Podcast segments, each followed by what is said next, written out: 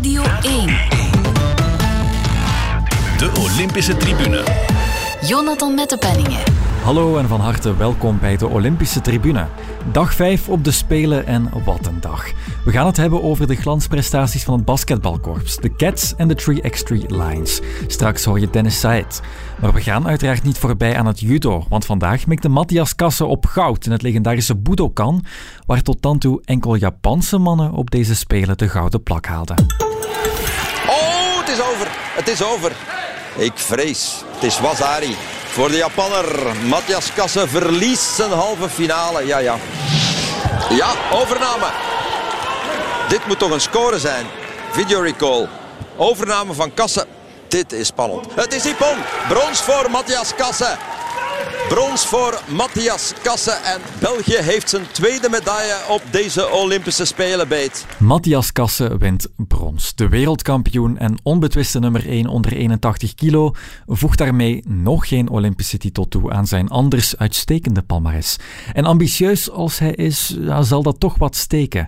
Ik heb het erover met onze judo-commentator in Tokio, Mark Willems. Dag Mark. Dag Jonathan. Ehm, wat vind jij? Wint hij brons of verliest hij goud? Of hoe zou hij daarover denken? Eh, goh, hij wint brons. Eh, je, kan, je kan vooraf wel zeggen, en men kan schrijven, Matthias Kassen is, hij gaat goud winnen. In het judo is, is dit heel moeilijk te voorspellen. Eh, in veel andere sporten, als je de beste bent, in de marathon, op, op de 100 meter, in tennis, noem maar op, dan win je. In judo goh, ligt, zit het dicht bij elkaar en is één fractie van een seconde voldoende om te verliezen. Ik, ik verwijs naar de eerste kamp van Kassen. Na 20 seconden was het bijna voorbij.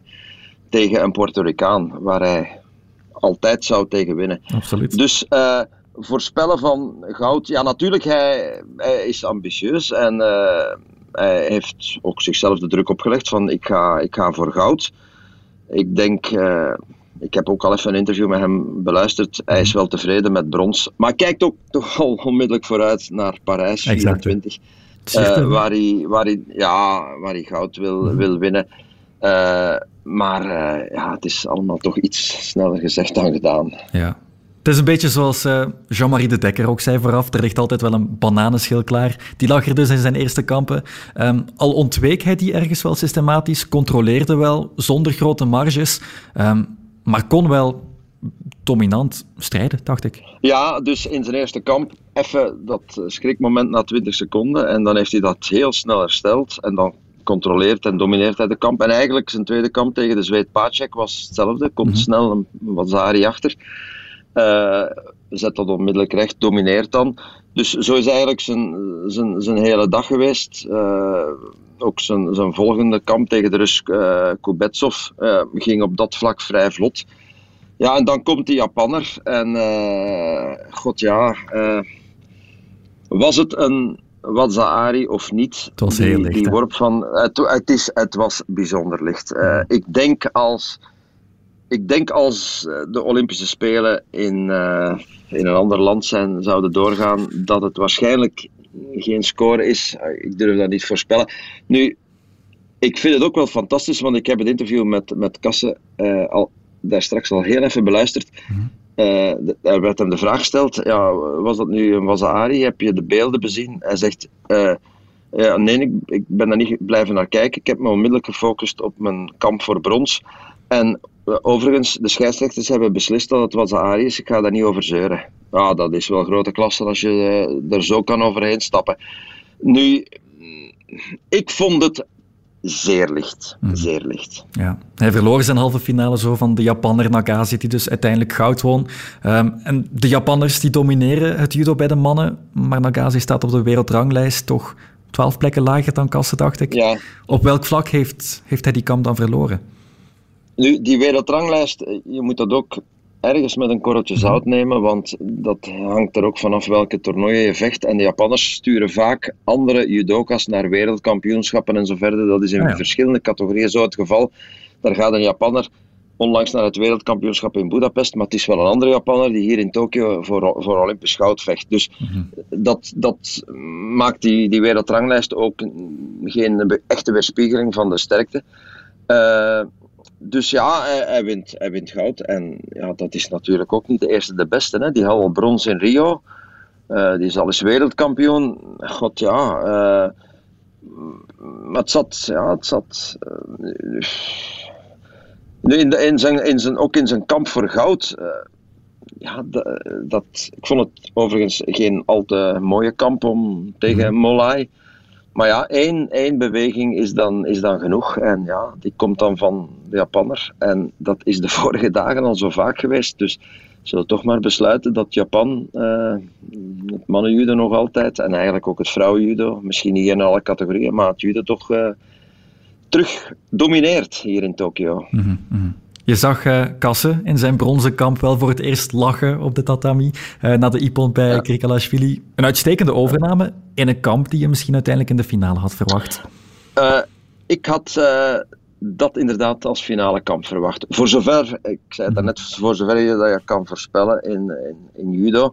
Ja. Uh, maar goed, uh, Grigalashvili gaat er dan ook een ronde te vroeg uit. Uh, en dan komen ze elkaar, ja, ik, ik zag al onmiddellijk van verdorie als Kassen zijn, zijn halve finale gaat verliezen, dan moet hij voor brons vechten tegen Grigalashvili, dus dat is dan ook geen cadeau. Hm ja, dat was voor mij de, de mogelijke finale. Maar goed, ik, ik kende Grigarashvili van de vorige toernooien, EK en WK, ook beter dan die Nagase. Dus uh, ja, dus ja, ik, kende die Japanner, om eerlijk te zijn, uh, niet zo goed. Ik heb daar wel eens op YouTube een, een wedstrijdje van bekeken, maar goed, dat, dat, is ook dat maar. Dus uh, ja, knappe judoka. Mm Kassen noemt zichzelf een heel gestructureerde judoka. Dat was duidelijk vandaag. Lange kampen, niks overhaast. Um, misschien te weinig haast gemaakt, want hij leek wat vermoeid in die, in die halve finale. Ja, goh, ik weet het niet. Uh, als je op dit niveau zijn de verschillen zo klein als je overhaast aanvalt en je doet dingen die mhm. niet in je, in je strategie passen gewoon al qua, qua pakking, als je anders. Eh, hij heeft voor iedere tegenstander dat zo bestudeerd, weet hij hoe moet ik grijpen zodanig dat ik mhm, mhm. tegen die tegenstander met die technieken kan uitpakken. Als je daarvan gaat afstappen, dan is het freewheelen en dan, dan weet je niet waar je uitkomt. Dus eh, ik, laat ons zo zeggen, ik ken er uiteindelijk heel weinig van.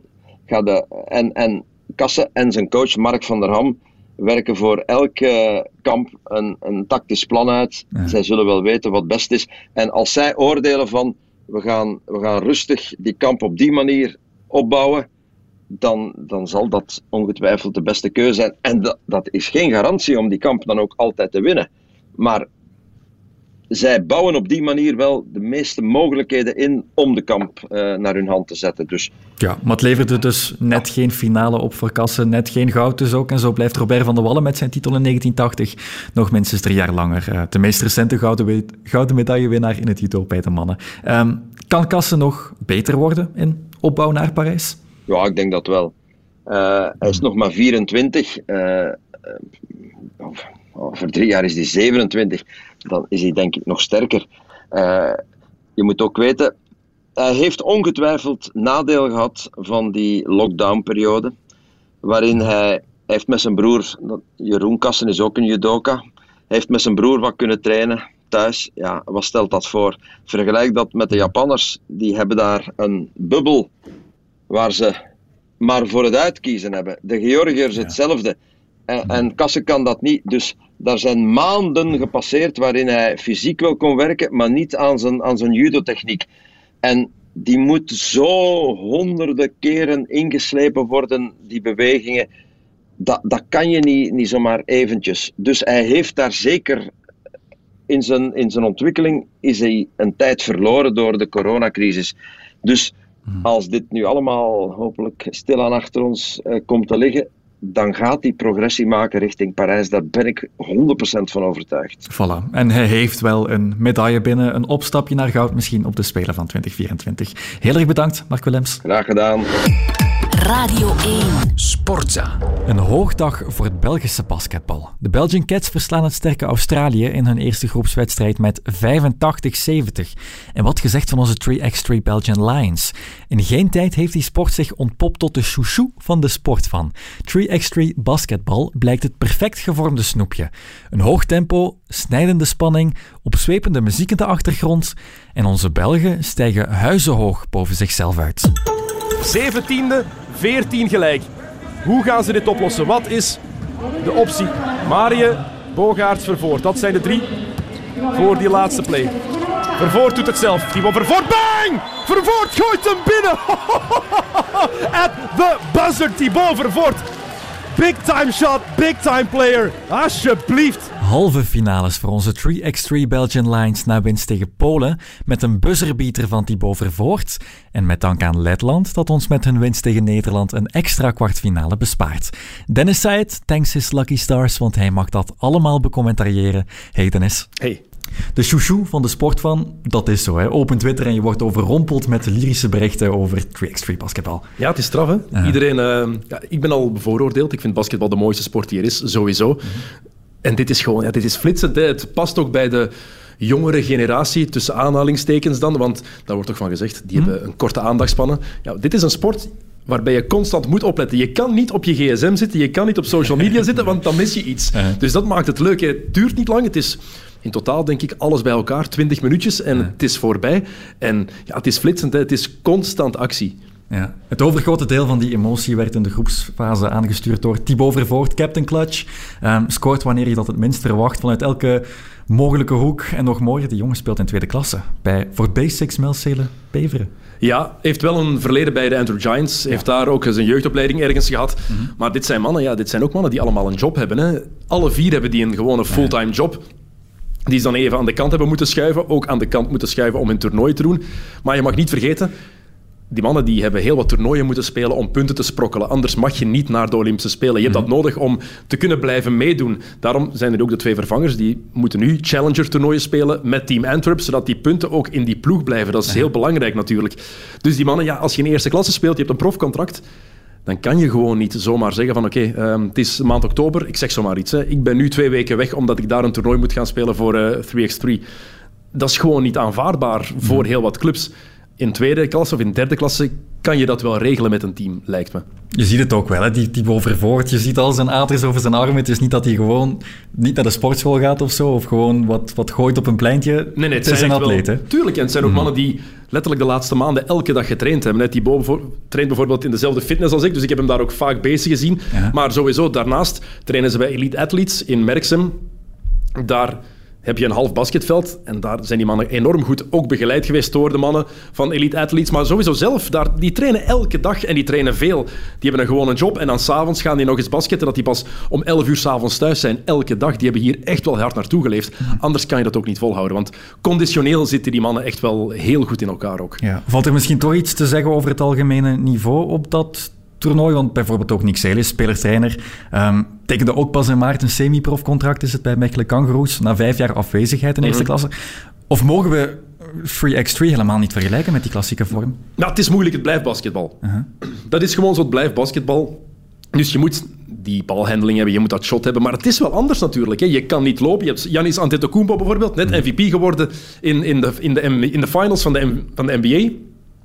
Die heeft dat nodig om te kunnen lopen bijvoorbeeld, om zo zijn atletisch vermogen te gebruiken. Wanneer is LeBron James op zijn gevaarlijkst? Als je weet dat hij van het hele veld, het hele veld kan oversteken en je ziet hem op je afkomen. Dan is LeBron helemaal op zijn allerbest. Dit is een andere discipline. Dat betekent niet dat LeBron en Giannis nu niet die competitie zouden kunnen verpletteren natuurlijk. Maar het is wel iets helemaal anders. Maar je mag niet vergeten, dit zijn sowieso ook vier goede basketters. Je speelt ook niet in tweede klasse als je niet kan basketten. Nick Celis heeft een paar jaar geleden bijvoorbeeld Oxaco mee kampioen gemaakt. Bo Raf Bogaerts heeft bij Leuven gespeeld een paar jaar geleden. Ehm, Thierry Marië heeft bij, bij Kortrijk en bij Waregem gespeeld een paar jaar geleden. Toch ook een topper in tweede klasse. Dus die mannen die kunnen echt wel spelen. En je zei het al, sommige mannen hebben ook in eerste klasse gespeeld. Die hebben daar ook wel een verleden. Dus ja, het is niet dat dit gasten zijn die zomaar gewoon op vrijdagavond bij de vriendenclubs een match spelen. Nee, zeker. Ze halen een halve finale. Het is, de spelen bereiken was voor team Antwerp, want zo noemen ze zichzelf, al een wereldprestatie. Kunnen ze nu nog verder? Ja, je zegt het. Gewoon dat ze die spelen gehaald hebben, was al een, een verrassing ergens, een stunt eigenlijk. Want ze hebben ja, het laatste ticket gegrepen. De laatste kans, het laatste toernooi in Debrecen in Hongarije hebben ze dan, hebben ze dan gewonnen. En dat was al, oké, die mannen die gaan naar de Spelen. Knap gedaan, goed slim gezien van Nick Celis toen hij het organiseerde om te weten, oké, misschien kunnen we op die manier meedoen voor de Spelen met 3x3. Maar dit is denk ik wel onverhoopt. Ja, ze waren een outsider, maar dan zie je een match verliezen tegen China. Een match verliezen tegen Japan. De twee matchen die ze moeten winnen, waar iedereen van uitging, die kunnen ze winnen, die verliezen ze. Tuurlijk is dit een, is dit een sprookje. Ze winnen van Nederland. Hebben een beetje meeval, omdat er één die Beckering geblesseerd uitvalt in het begin. Ze winnen van Letland, dan winnen ze vanmorgen van Polen, ze winnen van Rusland. Het is echt onwaarschijnlijk. En ik denk niet dat, dat ze... Als je dit hen zelf had gevraagd een maand geleden, of net na de kwalificatie, denk ik niet dat iemand ooit had gezegd van ja, tuurlijk gaan we, mee, gaan we meteen naar de halve finales. No way. Dat vind ik nog het beste. De interviews die ze doen na de wedstrijden met vier aan zo'n over, over het boordje. Ja. Super down to earth. Het is prachtig. Tuurlijk, maar je, je ziet ook dat ze gewoon dankbaar zijn voor elk moment dat ze nu hebben. Je hebt, elke sporter zegt dat het een spelen het is een moment dat je echt moet koesteren, maar er zijn ook gewoon genoeg sporters die dat pas achteraf beseffen van damn, ik heb daar niet genoeg van genoten, want ik was zo gefocust op presteren. Deze mannen zijn gefocust, dat zie je aan hun prestaties. Maar je ziet ook dat die effectief wel genieten van het moment. Die weten ook van dit is once in a lifetime. Hier gaan we misschien nooit meer naartoe komen. Dus Olympische Spelen. Wij zijn vier mannen die niet bij de gewone nationale ploeg spelen. Die nooit bij de gewone nationale ploeg gespeeld hebben als senior. Maar die wel nu op de Olympische Spelen staan. En laten we heel eerlijk zijn. Heel veel van de echte Belgian Lions, moeilijk om echte te zeggen, maar je weet wat ik bedoel van het gewone basketbal. Ja, de kans dat die ooit op de Spelen gaan staan, is heel klein. Dus dat is wel heel speciaal. Gaat dit momentum op een of andere manier worden voortgezet nu? Zullen we meer gaan focussen op 3x3 in ons land? Maar ik hoop dat er wel wat meer ondersteuning komt natuurlijk. Want ze hebben eh, zeker het begin, de eerste jaren, hebben ze echt zelf voor financiering moeten zorgen. Ze hebben zelf sponsors gezocht, omdat zij, ja, die toernooien, dat kost veel geld. Hè. Ze hebben onder andere in, in Washington, denk, ik, een toernooi gespeeld. Je moet Europa, je moet de, half de wereld rondreizen. Dat kost veel geld met vier spelers. Met de reservespeler vaak, dus met vijf, met een kinesist. Je wil dan eigenlijk ook nog een scout meenemen. Overnachting, verplaatsing, eten. Alleen dat al kost veel geld. Dus daar hebben ze echt wel wat financiële hulp zelf voor moeten zoeken. Ze hebben dit echt helemaal aan zichzelf te danken. De bond is wel de laatste maanden en sinds het Olympisch verhaal meer en meer concreet is geworden, hebben ze zich er wel meer achter gezet. Ook bij het EK hebben ze wel wat steun gehad, maar niet zoals je dat zou verwachten. Niet zoals dat in Nederland bijvoorbeeld gebeurt. Daar hebben ze heel snel ingezien, oké, onze ploeg is hier goed in. Dit is eigenlijk een kans om tussen aanhalingstekens een goedkope of een gemakkelijke medaille te verdienen. Dat is heel kort door de bocht, maar je begrijpt al wat ik bedoel, denk ik. En dat heeft hen ook wel geholpen. Dat zijn ook mannen, als je kijkt, Arvin Slachter bij Nederland, het is een 130-voudig international, voormalig captain van het echte Oranje. Die speelt nu mee met die 3x3-ploeg. Ja, dat, is, dat kan je niet zeggen bij ons op dit moment.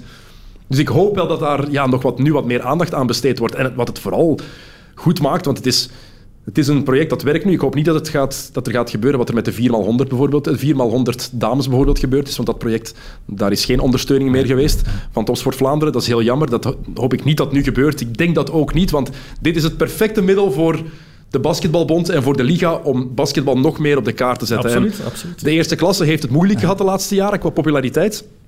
Volgend seizoen begint de Beneliga, de B-Next League.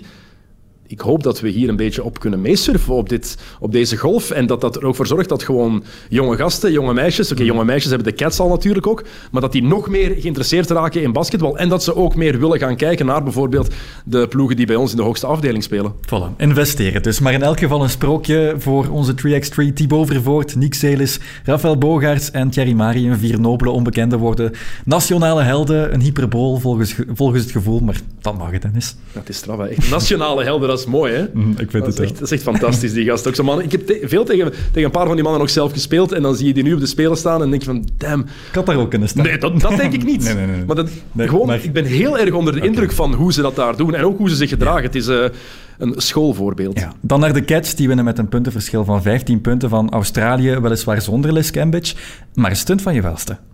Stunt van je welste vind ik een beetje overdreven gezegd, omdat we dan de Cats misschien onderschatten. Mhm. Omdat we hen dan niet de alle eer aandoen. Dit is echt een topploeg. Ja. En ik vind ook, ze hebben zelf gezegd van ja, we zijn al blij dat we op de Olympische Spelen staan. En ik snap dat. De druk ook een beetje afhouden. Mhm. Er zijn al genoeg voorbeelden in heel wat sporten waarin blijkt dat je jezelf druk opleggen of we gaan voor dat we willen per se medailles winnen.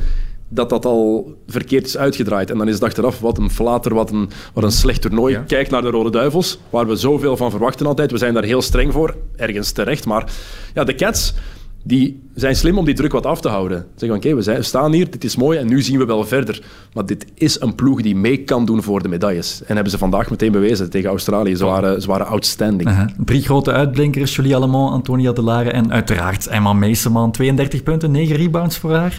Um, de commentator bij de Cats, Chris Meertens, opperde haar nu al als sportvrouw van het jaar. Is misschien een beetje vroeg. Um, maar ik vind dat, ik vind dat Meeseman al... Ze heeft, ze heeft het vorig jaar gewonnen, maar het jaar daarvoor had ze het nog harder verdiend. Ik vind dat Meeseman al een paar jaar op rij sportvrouw van het jaar. Hè? Tuurlijk. Ze is, in 2019 was ze MVP van de finals in de WNBA. Ik denk niet dat wij in België inschatten hoe groot dat is. Mhm. Ze speelde samen met Elena Deladon en dat was toen de MVP van de competitie.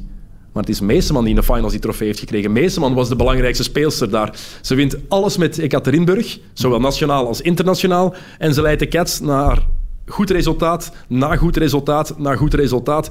En ze doet dat door fantastisch te spelen. Want deze statline, 32 punten, 9 rebounds en 5 assists... Dat is bijna vergelijkbaar met wat Luka Doncic heeft gedaan voor Slovenië gisteren. Die scoort er 48. Want je mag niet vergeten, ja, bij de mannen wordt er vaak wat meer gescoord. Uh -huh. dit, is, dit is gewoon indrukwekkend. Een beetje buitenaards eigenlijk, hoe goed Meeseman is. En ook vooral hoe vanzelfsprekend dat we dat eigenlijk beginnen te Ja, vinden. ja. Dit is zo... Tuurlijk zal Meeseman 30 punten scoren, want dat is Emma Meeseman. Dat, dat, dat is er zo ingebakken. Dat is waanzinnig. Het is een uitstekend teken voor de kansen van de Cats op de Spelen. Ik vind dat wel, ja. Ja. En vooral ook... Je moet eens denken, iedereen die gesport heeft, gaat dat gevoel ook wel kennen. Gewoon als je begint aan een competitie, maakt niet uit. Die eerste match. En je wint die met goed spel. Tegen een van de topfavorieten. Wat dat mentaal met je doet. Dat vertrouwen gaat in die groep komen. Zelfs als ze in de volgende match een moeilijk moment hebben. Want het shot viel vandaag fantastisch, behalve voor Kim Mestag.